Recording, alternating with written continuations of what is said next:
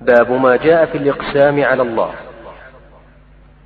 عن جندب بن عبد الله رضي الله عنه قال قال رسول الله صلى الله عليه وسلم قال رجل والله لا يغفر الله لفلان.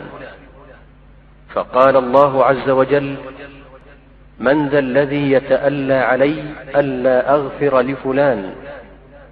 إني قد غفرت له وأحبطت عملك رواه مسلم.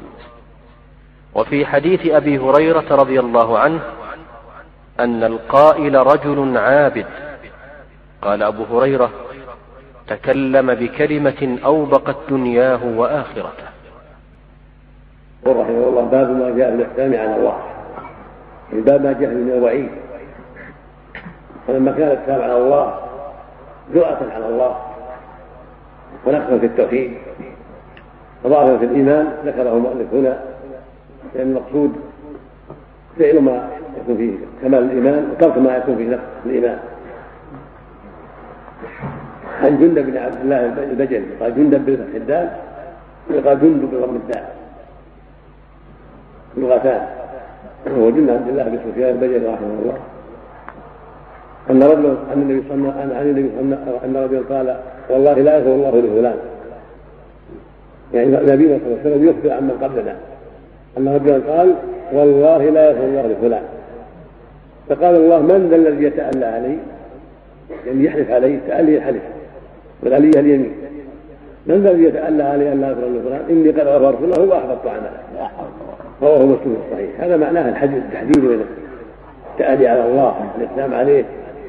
إنه لا يفعل كذا ولا يفعل كذا. والله لا يغفر الله لفلان والله لا يدخله الجنة. والله لا يوفق. بل هذا ظلم لا يجوز. ليس ليس عندك علم من الله. وليس عندك تحكم عليه. الواجب حفظ اللسان. والخطأ والحذر من أخطاره لأن اللسان خطره عظيم.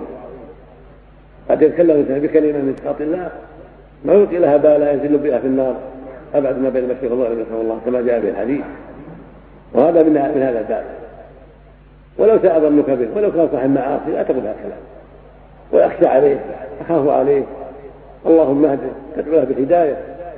أما أن تقسم على الله انه يدخل الجنة ولا يغفر لها غلط منك. إن ربك حكيم قد يغفر الله ولقد يتوب الله عليه وأنت لا تدري. الحاصل أن هذا من ظلم الإنسان ومن جور اللسان ومن خطر اللسان الواجب الحذر. نقص في التوحيد نقص في الإيمان. وفي حديث أبي هريرة أن قال رجل عابد يعني حمله غيرته حملته عبادته التي كان يتعبدها على أن قال هذا الكلام السيء هذا يفيد الإنسان قد يغار غيرة فاسدة؟ قد يجترئ بها على الله؟ قد يكون عابدا غيورا لله؟ لكن توقع غيرته في الإثم. قد يكون غيور فيتكلم بكلام لا ينبغي مثل هذا الكلام. قد يكون غيور فيأمر بالمنكر وينهى عن معروف على غير بصيرة. قد يكون غيور فينكر منكر على غير بصيرة. لابد من التقيد بالحدود الشرعية والغيرة. إن كان المنكر لابد من الحدود التي حدها الله تلزمها ولا تعداها. قال هريرة تكلم بكلمة اوبقت دنياه وآخرته. يعني هذه الكلمة اوبقت يعني أهلكت دنياه وآخرته لأنها خطيره حيث قال والله لا يغفر الله له فقال الله قد غفرت له وأحبطت عملك.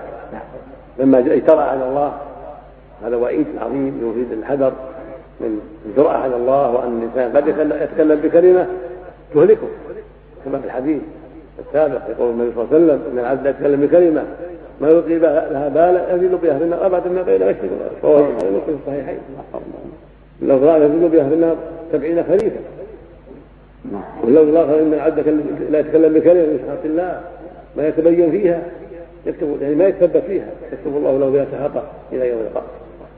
الواجب على المؤمن وعلى طالب العلم وعلى الغيور لله أن يتثبت وأن يحفظ لسانه وأن لا يتكلم إلا عن بصيرة وأن لا يعمل إلا عن